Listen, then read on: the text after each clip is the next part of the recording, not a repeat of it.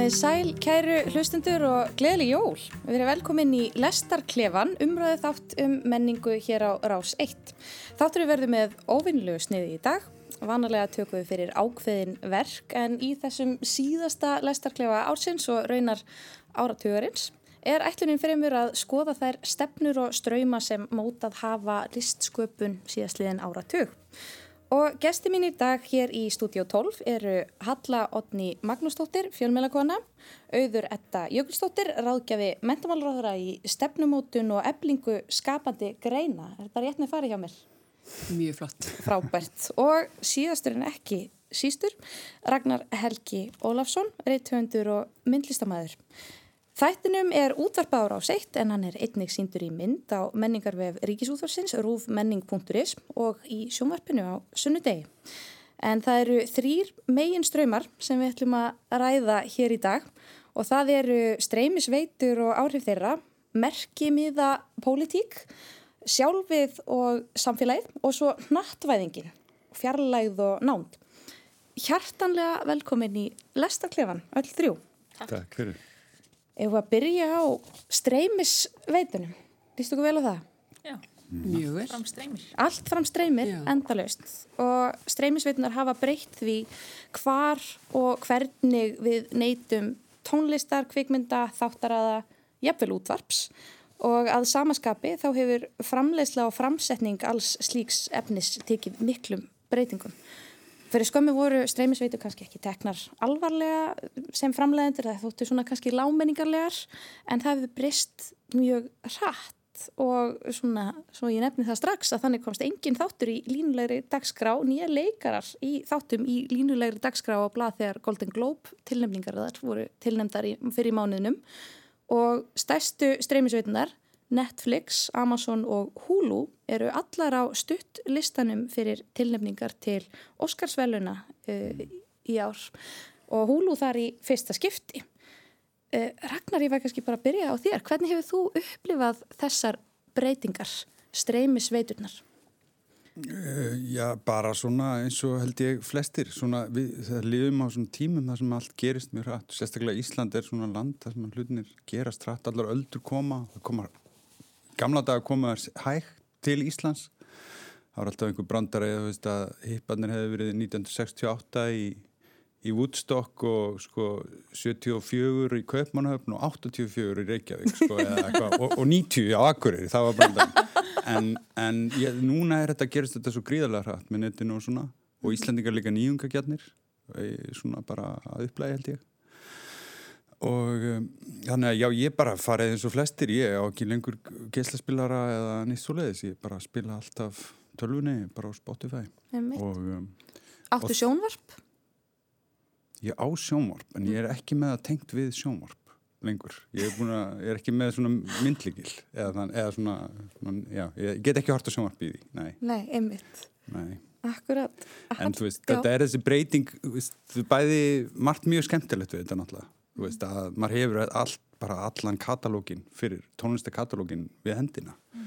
Og dótti mín núna, hún er, hún er 15 ára og þú veist, það er rosa gaman að geta bara sagt er þú ættir að tekka á þessu og hún bara uppin og flett upp á Talking Heads plötu frá 75 svona skilur og getur hlusta á allt og er að rekja sig í gegnum rock söguna bara á einhvern hátt sem að maður hefði aldrei getað dreymt um þú veist, maður var að panta plötu frá útlöndum eða eitthvað mm. og út frá covermyndinni að aldrei heyrt neitt af lögunum skilur þannig að þetta er alveg rosalega breyting en hinn hliðina þá er þetta heldur líka útrýming á skorti sem er bæði gott og vond sko, því að um leiðu útrým í skortinum þú hefur allt endalust þú veist bara eins og átt endalust að hrískrónum að þá, þá vandar það ekkit við að borða þau sko. þú veist, þú finnur ekkit alveg bræðið að þeim sko. þannig að það er, skorturinn hefur kosti líka sko.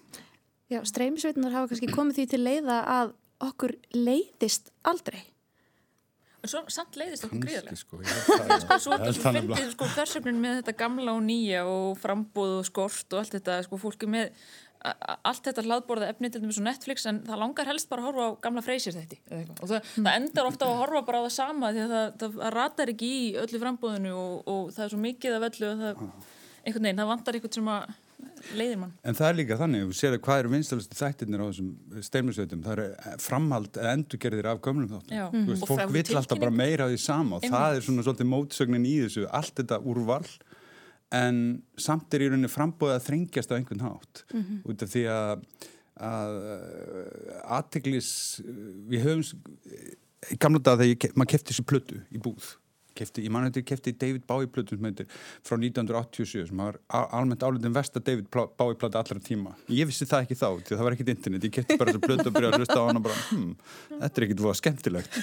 En svo held ég áfram að hlusta á hana og því ég var búin að eða, þú veist, Já. stór fjö í hana og var með hana og hlusta á hana aftur og aftur og aftur og ég, ég, ég vissi ekki fyrir ná bara tíund áratögnum að þetta hefði verið vond plata. En, en núna myndi maður aldrei hlusta á þessa plötu fimm sinnum. Maður myndi hlusta á Nei. hana einu sinni og svo myndi maður að ég segja á bara hlusta á næsta. Og þá leita maður í það sem maður þekkir og sem maður veit og sérstaklega maður er litið afþreyingu að bara einhverju þægilegu. Og þá þrengist í rauninni framboði, það er svolítið skrítið. Það er verið að endur, halda áfram að gera þætti sem að hættu göngu sinni fyrir 10 árum eða 20 árum Og 30 bara setja það aftur inn, var ekki einhver tilkynningu um það að Friends væri komnir og allt vittlust og ég, maður, Já, maður skilur þetta ekki alveg sko, en, Nei, nei. en þetta bara vekur mikinn fögnu.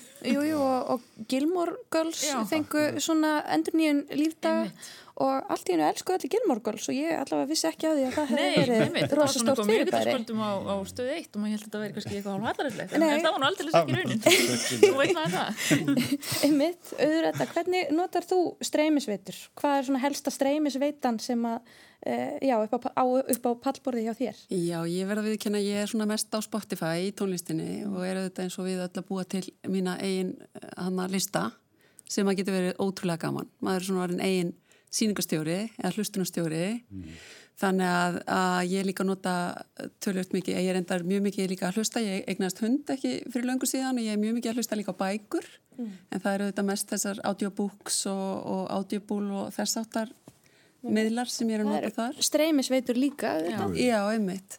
Og síðan er ég, jú, játa það, ég er svona mest á Netflix og er búin að uppgöta aðeins húlu í gegnum krakkana mína sem eru auðvitað alltaf að skrifa undan okkur.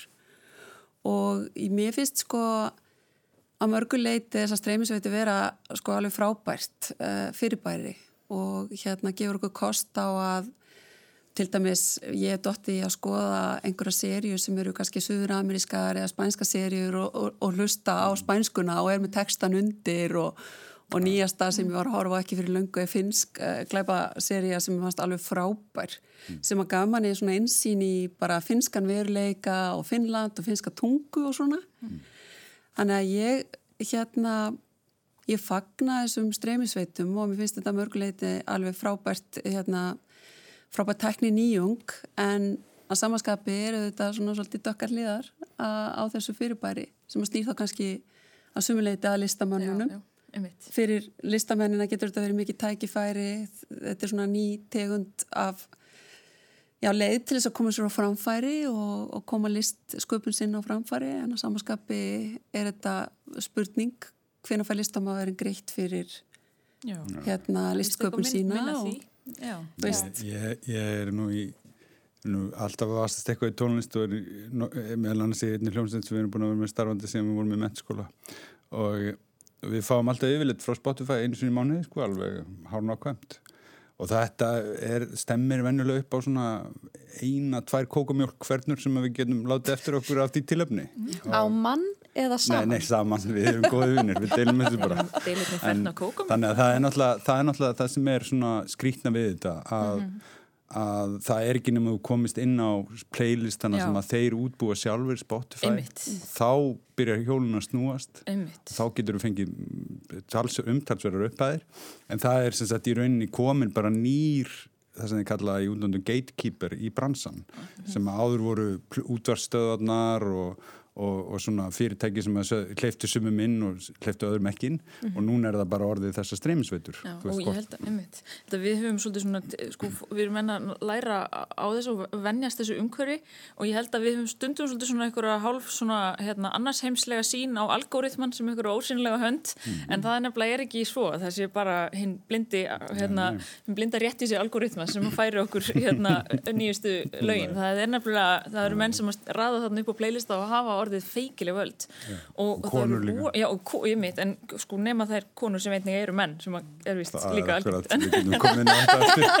en, hérna, það en, það hérna, en ég veist þetta mjög aðeinslega og maður heyrir svona aðeins sko um að þannig eru náttúrulega feikilegir hagsmunir í gangi og ég held að það sé líka ágætt að minna sig á það að þetta verið alltaf svona örvænting gagvart þessum, þessum feikilega hérna, samþjappaða valdi streymisveitnana en svo auðvitað eru átök þarna eins og annar staðar og, og, og, framleiðendur efnis og rétt hérna, hafa efnis og þessi stóru útgáfi fyrirtæki eru náttúrulega ja. gera samninga við veiturnar og ef að til dæmis Universal, Warner og Sony drægir svo allir út úr Spotify þá, Já, já. þá er það, það, það, sko, það. það geti allt breyst á næsta árum það þýðir ekki að, hérna, þetta verði alltaf svona þetta sé orðið svona núna en það sem ég heyri að, að sé núna sko, að því að þetta, þetta, þessi hérna, valþreita sem við finnum fyrir þegar við eigum að fara, höfum allt þetta hlaðbólsögunar sko, og eigum að velja allt við höfum aldrei haft meira val en svo höfum við aldrei kannski nýtt okkur minna af því að því að það er svo miklu þægilega að láta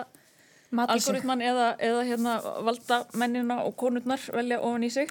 Og nú skilst mér að sko stærsta hagsmunamálið í þessum bransa því að nú fylgist ég mest með klassísku, svona klassísku senunni það séu þær statsistur Alexa og Siri. E, að þegar að við erum farin að segja Siri, leiktu nú fyrir mig Dulun Já. hvaða upptöku velur hún það er risastórt hagsmunamál fyrir alla sem eru í sko, hérna, til dæmis klassísku deildinni þar sem eru til fjölmargar upptökur af sömu verkunum og heimun og hafa milli tólkenda að þetta eru stór mál sem er ekki búið að leiða til lykta og verður forvitnir að fylgjast með Áhugavert. mm. En hvaða verk standa svona upp úr fyrir ykkur af streymisveitum? Kanski er erfitt að tala um tónlist í því samingi og við erum meira að horfa á eitthvað annað. Er eitthvað ákveðið sem ykkur finnst kjarnamiðlinn eða hefur verið sérlega skemmtilegt að, að sjá eða heyra?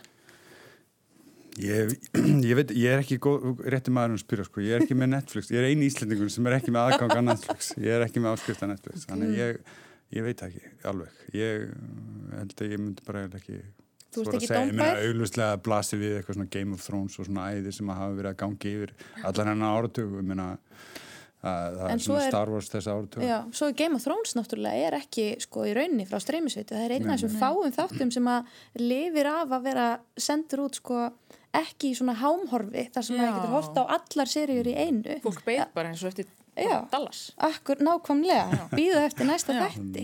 Og sem er önnur spurning sem er hvort finnst okkur betra sko, háma að, eða að háma eða, eða býða og, og, og svoleiðis. Já, ég get sagt sko, ég er alltaf á stjórnmálafræðingur og komin hérna yfir í menningamálin og skapandi greinannar og gaman að því að sko eiginlega fyrsta hámhorfumi mitt var, voru eiginlega bara hérna borgin, dans, danska þáttaröðin sem ég komst á inn á einhverju svona veitu. Þegar ég bjóti í Þýskalandi síðast og síðan House of Cards þannig að ég verði alveg að viðkenna að ég satt ansi stíft við og horfið, þetta var mjög erfitt að, stoppa. Og síðan þá er ég búin að læra að hemja mig aðeins og hef verið að reyna að gera það meira undarfarið og vera meiri að hlusta og, og reyna að lesa og þess aftar þannig að, að hérna en ég myndi eiginlega vilja sko tala um, mér finnst frábært að Rúf hefur opnað svona mikið fyrir þess, þetta streymi líka. Þannig að maður getur farið á, á sarpin og ná sér í hana serjur og ég átti alveg eftir að sjá til dæmis ófærð. Þegar ég var eh, starfandi í sendiráðin í Berlín þá var verið að koma ófærðinni út á eina stærstu stöðuna í Þýskalandi og fjölmjölandin þar töluðu við okkur sem bara, wow, Ísland komi líka með svona einhverja spennandi spennu hana serju getum við ekki gert eitthvað með ykkur Íslendingu til að fagna þessu? Og svo horfði ég á, á þess að þetta eftir ég kom heim og ég bara, ég held ég taki upp sko hérna íslensku seríunar fyrir mig, mér finnst frábært hvað er verið að gera og ég tek hatt minn ofan fyrir þessum hana, flottu framlýslu fyrirtækjum okkar hérna á Íslandi. Og eins pappahelgannar ég reyndar horfða á þær eh, viku eftir viku að því mér fannst það svo skemmtilegar. Já. þannig að það var, það var línuleg dagskrá þá í En þannig getur, eins og þú segir, kannski eh, sko sarpurinn eða streymisveitur geta stutt við línulega dagskrá og ekki bara, ekki bara eh, komið í staðin fyrir hana með því að það sé hægt að horfa á svoleiðis efni eftir á líka.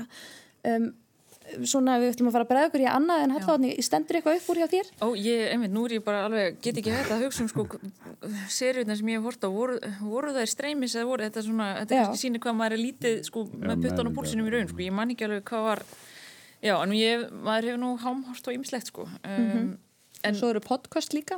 Já, þau fá nú að streyma, þetta aldrei manni. Ég. En það er líka held ég það sem þú ert að segja með rúf þá er þetta kannski eitthvað sem að er ekki alveg, mér finnst ekki kannski alveg tala nógu mikið um að, að það sem er búið að gerast á tíu árum er að áður þá tóku Íslendingar inn 90% af sínu uh, sjónvarps neyslu í gegnum sjónvarstöðunar mm -hmm. og bara litli hlutin eins og texti Já.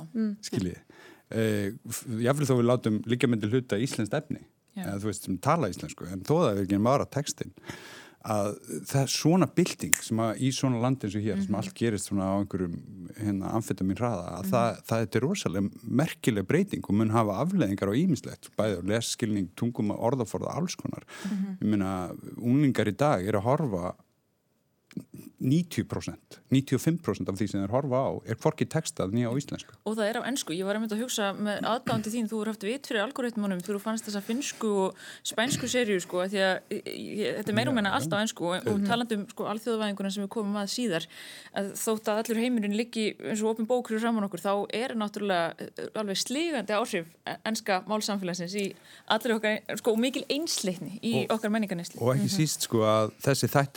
Sem eru finskir og ég veit ekki, eru eflust frábærir en þeir þurftu að fá stimplun hjá Amazon. Nei, eða, eða, eða Netflix eða einhverjum, skiljið, þú veist. Þannig að það er ekki, ég er ekki að segja að það séu ekki fólk sem hafi ekki vita á, á miðlunum, örglega, en, mm. en þú veist, sömur hlutir hafa menningarlega vísanir sem að munu ekki endilega verða gangi augun á fólki í stjórnafundi í New York, þannig að ég held að fyrir nýja útastjóran sem að vonandi á að skipa fyrir síðar það, þetta, er, þetta er aðalverkefnið hans mm.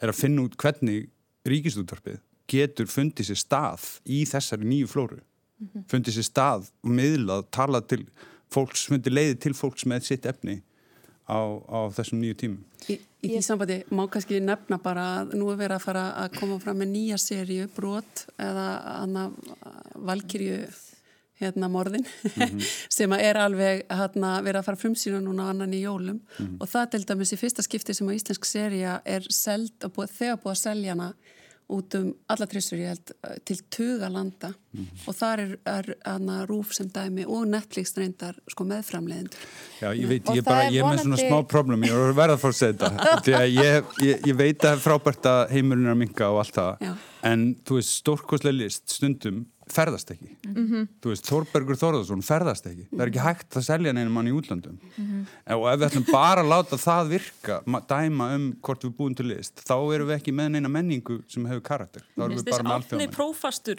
er í innfestingar Ég bara ég, við verum að koma aftur inn á þetta hérna á eftir því að við ætlum að hoppa inn í sjálfið um pólitíska sjálf já. sem að hefur Já, þú gána með, þetta eru létt og notaleg Já, þetta er svona þægileg þægileg jóla Akkurat, því að pólitíska pólitíska sjálfið hefur alltaf haft svona ákveði vægi í listheiminum og, en var kannski svolítið einsleitt á ákveðnum tíma Kvít og Karl Kins uh, en svona á þessum, þessum áratögu höfum við séð í kannski enn meira mælin áður það sé þetta pólitíska sjálf er farið að auðlast aukna merkingu og auki rými.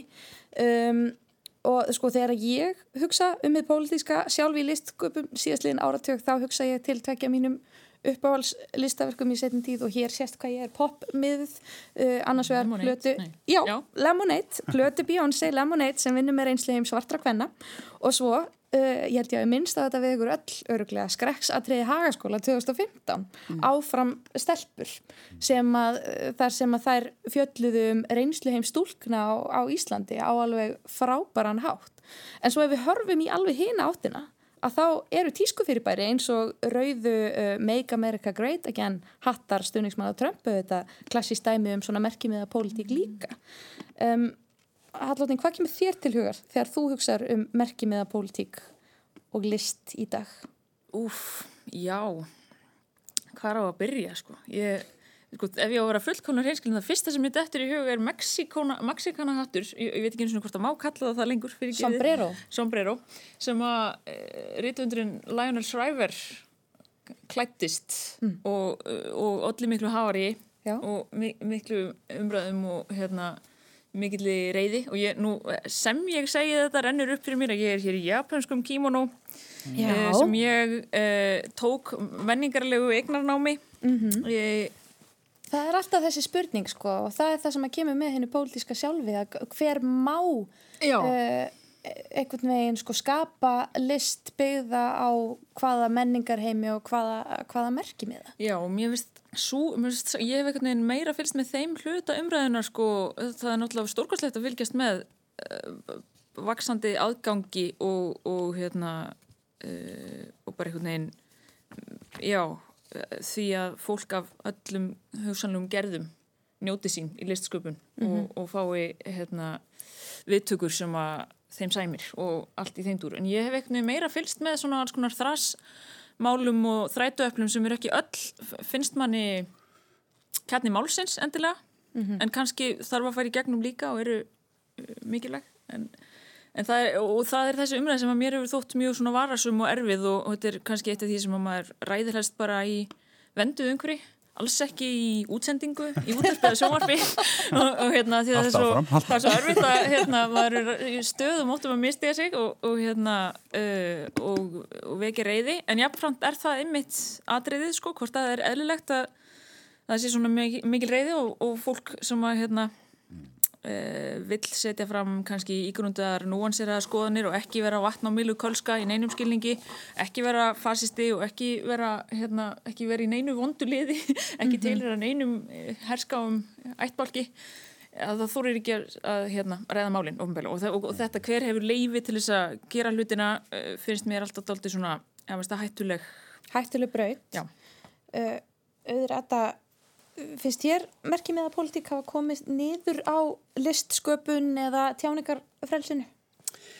Já, þetta var alveg nýtt uh, hugtak fyrir mig þegar hún nefndir þetta hérna, merkið með að pólitík. Eh, Erum að tala svolítið um sjálfsmynd og þessa hópa sem að verða til í, og, og sem sagt bæði í samfélaginu sem pólitískir hópar eða trúarhópar eða feminismin og tengja yfir listirnar í Það rauninni. Það er svolítið þannig, það er bæði, bæði það hvernig sko, þessir hópar nota sitt svona sjálf, eða tjá sjálfið út, út á við, en svo einmitt þetta líka, hver má tjá hvaða sjálf Já. Já, og hvort að, eh, já, hvort að það hindri, hindri síðan kannski þá tjáningu eða listsköpun. já. Þetta er rosa góð spurning en ég sko velti fyrir mér um, sko ég er náttúrulega búin að búa í Þýskalandi núna daldi mörg ár og þar eru menn kannski svolítið sko, lengra komnir í mörgu. Við erum svona sumuleiti stundum aðeins setni hvað var það svona mál á Íslandi. Þannig að mér finnst einhvern veginn eins og að, að hérna og það er bara mjög jákvægt hvað er rosalega mikill kraftur í þetta. Byrtist í bókmyndunum, þetta by- birtist aðeins í bíómyndunum hjá okkur. Það sem er verið að, að vinna með þessi þemu sem að tengjast þessum hópum sem eru kannski hafa verið frekar ósýnilegir á Íslandi til dæmis bara eins og núna pólverjar, 20.000 manns sem búa á Íslandi, þetta er risa, risa stór uh, minnihlutahópur á Íslandi og uh, sko frábært fólk og hefur samt einhvern veginn ekki fundið sín eina leið inn í kannski listalífið á Íslandi eða jafnvel, ég meina, krakkarnir því miður eru ekki allir að læra íslensku og fara svo kannski bara ekki nógu vel og fara svo heim og leika við pólska krakka og halda áfram og vera til í, í þeirri búblu. Þannig að, og mér varst það mjög spennandi að ég heyrði eh, svona smá forkynningu á listaháttíð núna sem að opnar í júni og þau eru fara að taka sérstaklega svona, horfa svolítið sérstaklega til þessa hóps til þess að hérna, já, skapa tækifæri tengd þeim til þess að vera með inn í þessari hérna íslensku búblu okkar. Já, Sem sagt, einmitt, aðeins pólsk- stærri búblu. pólsku Mjög menning og listir en hérna já, ég veit það ekki. Já, við erum oft svolítið svona, upplifum okkur svolítið sem súkulað í alveg bara, þetta er náttúrulega frækt og hérna og, og eldgamalt að við stöndum alltaf aðeins fyrir utan og höldum að hérna átökin í heiminum kom okkur ekki við. Og mm -hmm. þjóður eru náttúrulega þeirra út þá þurftu að taka mikla ábyrð og setja sér inn í mjög mörg mál og vera mjög hérna, Já, en svo er samt líka svolítið mótsögn hann er svo margt að segja um þetta. Þetta er, eitthvað, þetta er svona efni sem mér finnst vera þetta er þetta eru þemu áratuganins en, en bara út frá þessu sem að þið eru að tala um að þá finnst mér líka alltaf svo áhugavert að út af því hvernig ströymandi liggja, þeir liggja frá bandaríkjunum Já. og, og, og, og hugmynd, hvernig við erum að hugsa um þetta allt núna Einmitt. er ameríst, það er svo mikið til í því. og einhverju krakkar sem að eru hér bara í, í lögnaskverjunu eða, lög, eða breiðaldi að þau eru að lesa bara eitthvað hvíta fólkið og svarta fólkið í Ameríku og þú veist, Já. skiljiði og ég er ekki að segja að, að, að, að, að við erum ekki að vera virk og að taka ábyrg afstöðu en á móti kemur að sjálf við erum nýlenda Mhm. skiljiði, afi minn fættist í nýlendu veist, og í Torbæ þannig að þú veist, það er ekki eins og við, þú veist, við þurfum að bara aðeins að mótjúleira okkar afstöðu, en, en vandamál er að, að þessi merki með að pólitík er svolítið sérkjænlega út af því eftir 20. öldina, eða svona setni hluta 20. aldanar í postmodernismannum og svona, þá er sjálfið ekki til eiginlega. Það er eiginlega tímabilið það sem sjálfið þurkast út. Menn er að vinna móti því. Það er bara ekki til, það er ekki áhugavert efni, það er bara einhver fiksjón frá 19. öldinni. Og svo er hún komin einhvern veginn aftur, sjálfið snýr aftur stemning. Já, og sko, með, with a vengeance já, og, hérna, og það er mjög áhugavert því á sama tíma eru þessi merki með það sem við erum að setja á okkur og hvert annað uh, bæði einhvern veginn griftir í stein kynferði til dæmis, karl, kona. En á sama tíma er kyngerfi álitið eh, einhvers konar val eða einhvers konar eh, svona hug, huglæg niðurstaða, allavega sumir segja það, aðrir segja þetta er misjant, en sumt af þessu er huglægt, annað af þessu er litið á þessum greift í stein. Og það fannst mér til dæmis mjög sláandi þegar Medea var sett upp hérna í borgarlökusununda e, fyrir ári síðan rúmu. Að þá var gestunum skipt í tvo hópa kallar öðrum en konur hérna og ég fann bara hvað mér, mér fannst þetta anstyggilegt, ég var brjálaður að vera settur í svona hóp. Mm. út af því að, sko, jú hérna, kynferði mitt er eitt kyngerfi mitt er annað mm -hmm.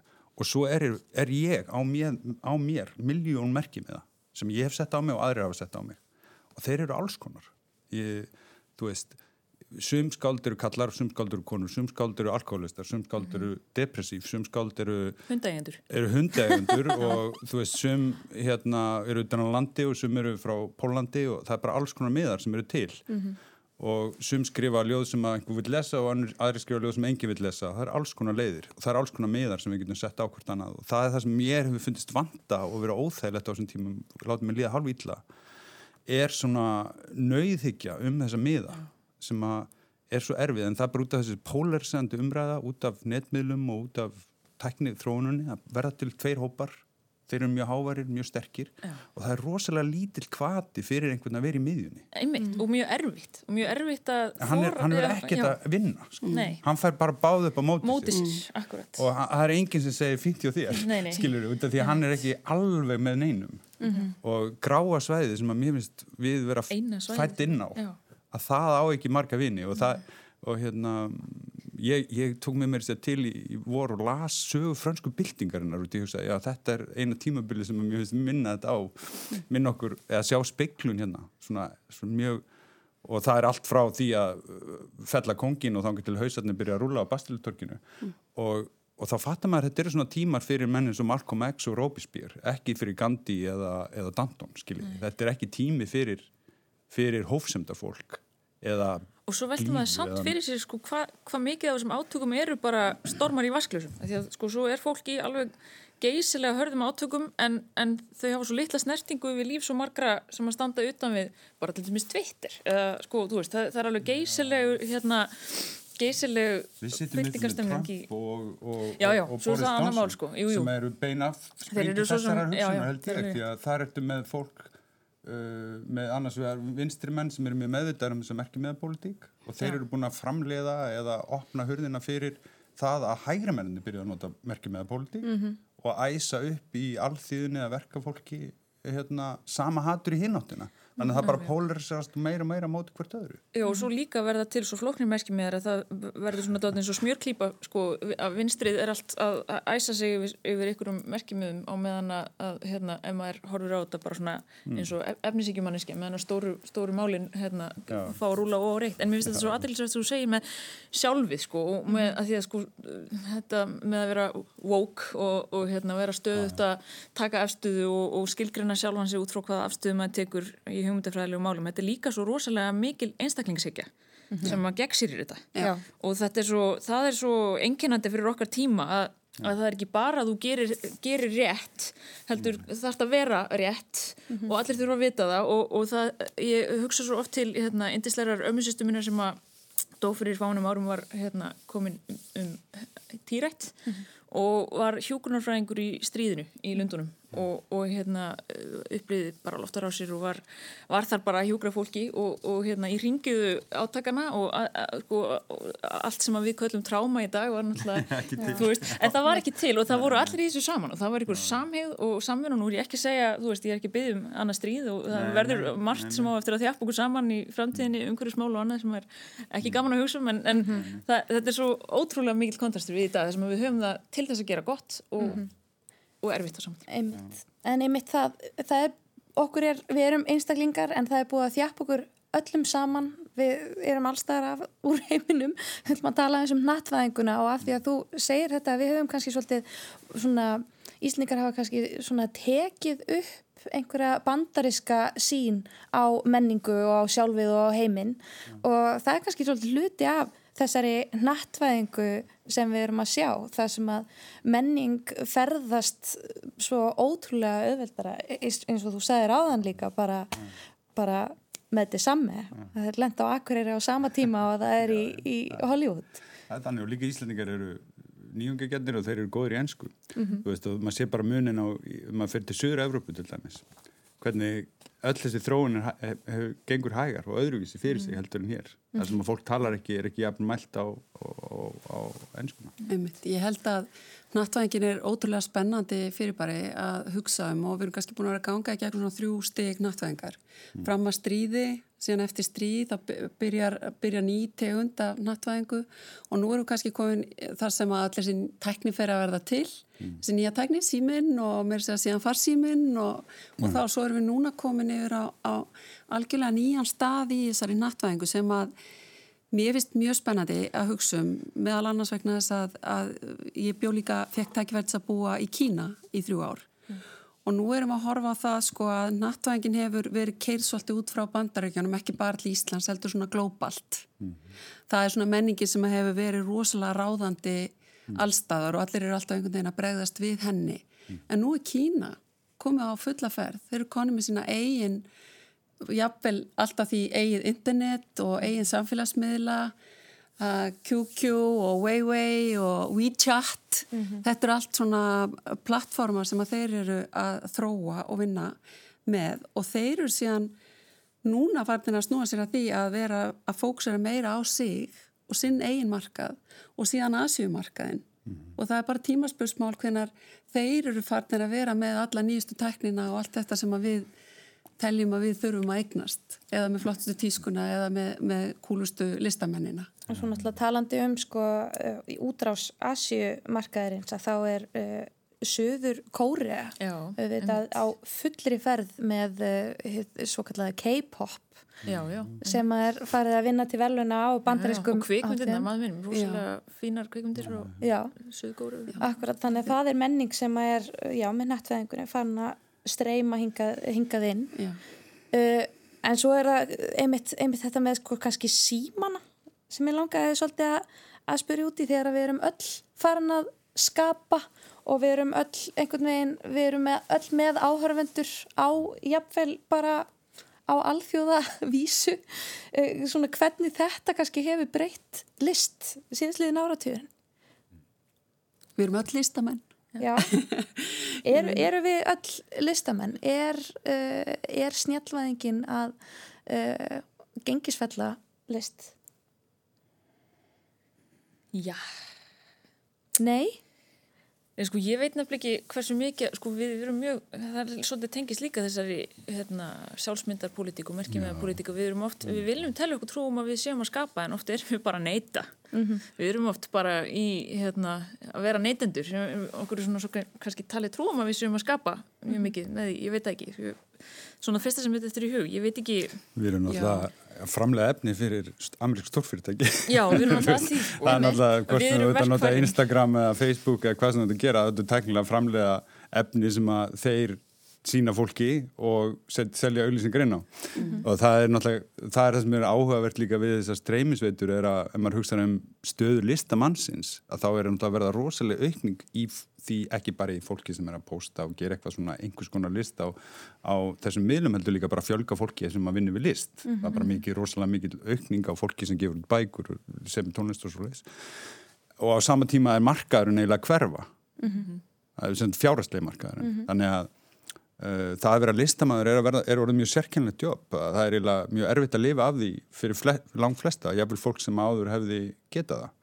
Og uh, þannig að það er svona svolítið svona furðuleg hlið á þessu hvernig, hvernig, en það eru fullt af peningum sem verða til en þeir eru til dæmis bara í auglýsingatekjunum á Facebook og við sjáum nú ekki mikið af því Og þá koma þessi fyrirtæki líka inn, þú veist eins og bókaútgáðunar og galleríin og allir þessir Já, já. sko skapandi greina sko hliðin á listunum skilur sem að hérna þurfa að hjálpa til að að koma, hjálpa listamönnum að koma sér betur á framfæri. En í Já. leiðinni eru náttúrulega, ég meina netið, þú veist, hefur að mörguleiti minkað heiminn og gert hann að einum stað en það verður þá líka til þess finnst mér mjög áhugaverð þróun kannski tengist ekki beint þessu með símana en það verður samt líka til þess að fólk fer þá að rýna aðeins meira í rætutna sínur og tilfinningi verður sterkar um það að skilja sig betur og sína þjóð og sína sögu sem að ég held að sé sko að mörguleiti mjög, er þetta glókal, svona glóbal og lokal pælingin sko. Og það held ég að sé eitthvað sem að maður er að sjá koma fram meira í, víða í listum eins og mennur er farin að sauma listaverk og fara í logi, og, já. En það er kannski líka að maður hugsa að þetta eru speklar sko. það er þetta fyrirlega, bæði gluggi og speil símiðin sko. og, og, og við erum náttúrulega að spekla okkur meira heldur en við hefum gert nokkuð tíma í manginsögunni sko. það, er náttúrulega- það hefur einhver áhrif á bara dýrið sem við erum að vera alltaf að horfa á okkur alltaf að sjá myndir af okkur og eitthvað. Og, og maður sér það í listinni það er svona áhuga á sjálfum sér. Og það er vöxtur í svona játningabókum eða svona, þú veist ljóð í dag til dæmi sem bara eitthvað, svona, eitthvað sem ég þekki vel það, það, það er ekki nema ég. Og, og ég er ekkit að krítisera þetta ég bara, ég bara horfa á þetta. Og það er miklu meira heldur en að skoða ljóð frá áttundartökum þannig að þú veist það er ákveðin svona hlutur fólk er meira að opna sig og vera eitthvað svona já, játa eða standa uh, líka öll tilfinningarna svolítið núna sem við erum að lifa andstæði við öll skynseminar kannski. Og, og þannig að það, það er að hafa áhrif en það tengist líka sem merki með politikinni og alþjóðavæðingunni. Að fólk er að spegla sig líka mynda hóp, hópa og, og skilgrinna sig út frá hópunum.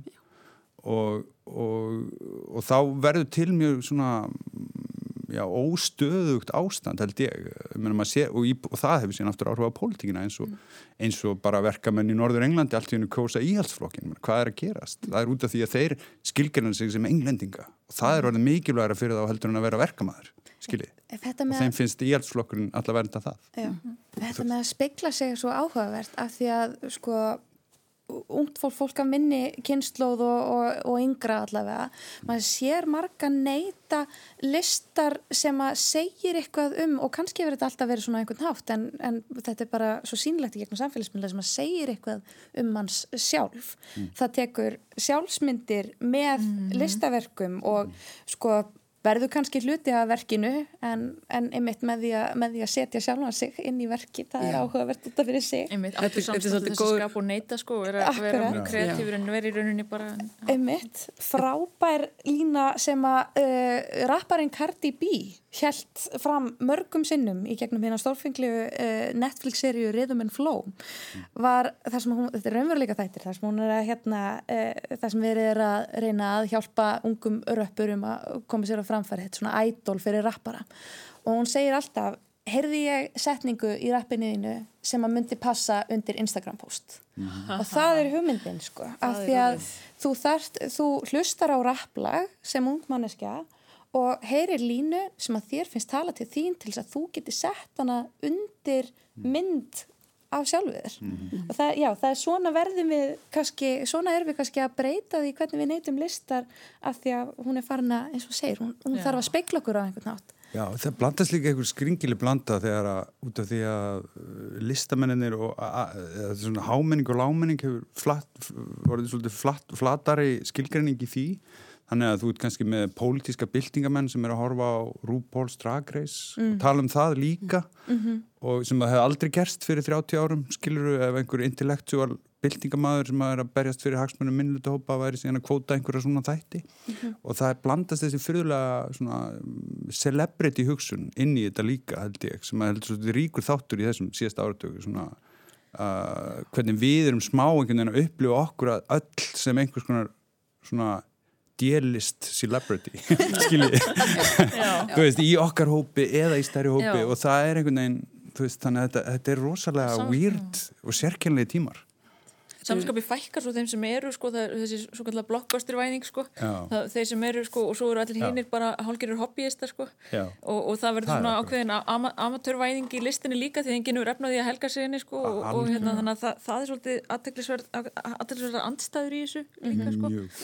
og sömulegist þetta með, með að vel alltaf að spegla sig sko. ég, einmitt, það voru skrifaði greinar um það fyrir ekki svo löngu hvernig krafa nútíma lesenda væri á, á skáldsögur væri það að hérna, personutun væri það sem er kallað á ennsku relatable það þurfti alltaf að vera svo relatable það þurfti svo að tengjast þér sko, meðan að, kannski öðrum þætti áhugaverðar að lesa eitthvað sem að væri ólíkt manni sjálfum til þess að, þú veist, bæti ykkur við. Já, það er mólar, móraliseringin í listunum sem er líka annað einkenni þessa áratugar að já. listin er á að vera með góð skilabóðum heiminn. Hún á að, hún á að, bæ, hún á að þú veist, þetta er við sjáum þetta hérna heima mjög skýrt í Kona fyrir stríð og í. Ör og, og jáfnvel í bókum Jóns Kalmanna víða sko, að það er þessi einhver krafa sem er alls ekkit sögulega hluti af listinni, Nei. jáfnvel ekki ymmit auðvitt listin hefur átt að vera transgressív en nú er hún á hún að vera akkurat samfélagslega ábyrg Já, ég meina, sjá hvernig bókin svo Hans Blær, hvaða viðtökur hún fekk. Já.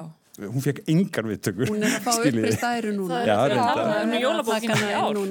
er í Árið setna eftir að hann var rakkaður niður. Já, eða kannski meira þagaður í hel, sko. Já, eða Hann það. er eiginlega það. Hann er eiginlega verri örlu heldur en að vera fá í sig sko, úldna tómata og græmiti, sko. Ég ætla, ég ætla að taka okkur til feni að sko tengt þessu sem, sem þú varst að segja á þann vegna þess að það er svona partur af því að akkur íslenski skáli naut svona mikill að vinsælda núna. Hann er staðsettur svolítið fyrir utan. Þú varst að fara í aðna með bátnum og yfir á aðra e, geodekka yfir á aðra eigu og svolítið ferðalag og það var átt í 40.000 mann sem að fóru að sjá skálan hennar sjópliftir hennar hrafnildar Já, það var vegna þess að það var aðal Instagram hérna sagan Já, í þetta náttúrulega- hann er svo geðveikislega litrikur og flottur og Instagram væt. þetta var sko bara og svo náttúrulega var ótrúlega flott tónlist með ham hann undir og þetta Mm. eins og svo oft í íslensku listum sem mér finnst það enginn þær og gerir það svo skemmtilegar að það var svona þú veist tónlist eftir annað íslenskt band heldur en listamæðurinn sem var þarna og, og hérna og það er kannski það sama eins og við erum búin að tala um núna mjög mikið finnst mér sem að byrtist mjög stert í fenum að þessu sinni. Það var rosalega mikið þessi Instagram. sama, sko, það er þessi svona jegvæðing og, og þessi svona hópar sem að er að fá sterkari rödd og til dæmis danski skálinn var frábær, það var pali, palestínsk ungkona sem hafi fluttið Danmerku sem að sagði söguna þar. Það var vídeo sem að, sko, rosalega sterk og flott vídeoinsetning sem fekk mjög mikla umfjöllun þar sem að hún var í raunin að tala um mömmu sinna um það að hún vildi bara fá að lifa sínu lífi hún vildi ekki lifa í harmi móðu sinnar sem að lendir í hremmingum Palestínu ríkisins, skiluru þetta einhver og það, það var eiginlega hver á hver skálinn að fætur öðrum var einhvern veginn í, í þessu sama að, að horfa á þessa. En hérna við erum alveg að komast á loka sekundurnar en kannski bara örsnögt, örfa orð um hvað kemur næst. Við erum að sjá mikið af umhverfismálum. Mér finnst það að vera þannig að ég get ekki byrjað að tala um eitthvað verk án þess að umhverfismálin og lofslagsbreytinga komið þar inn.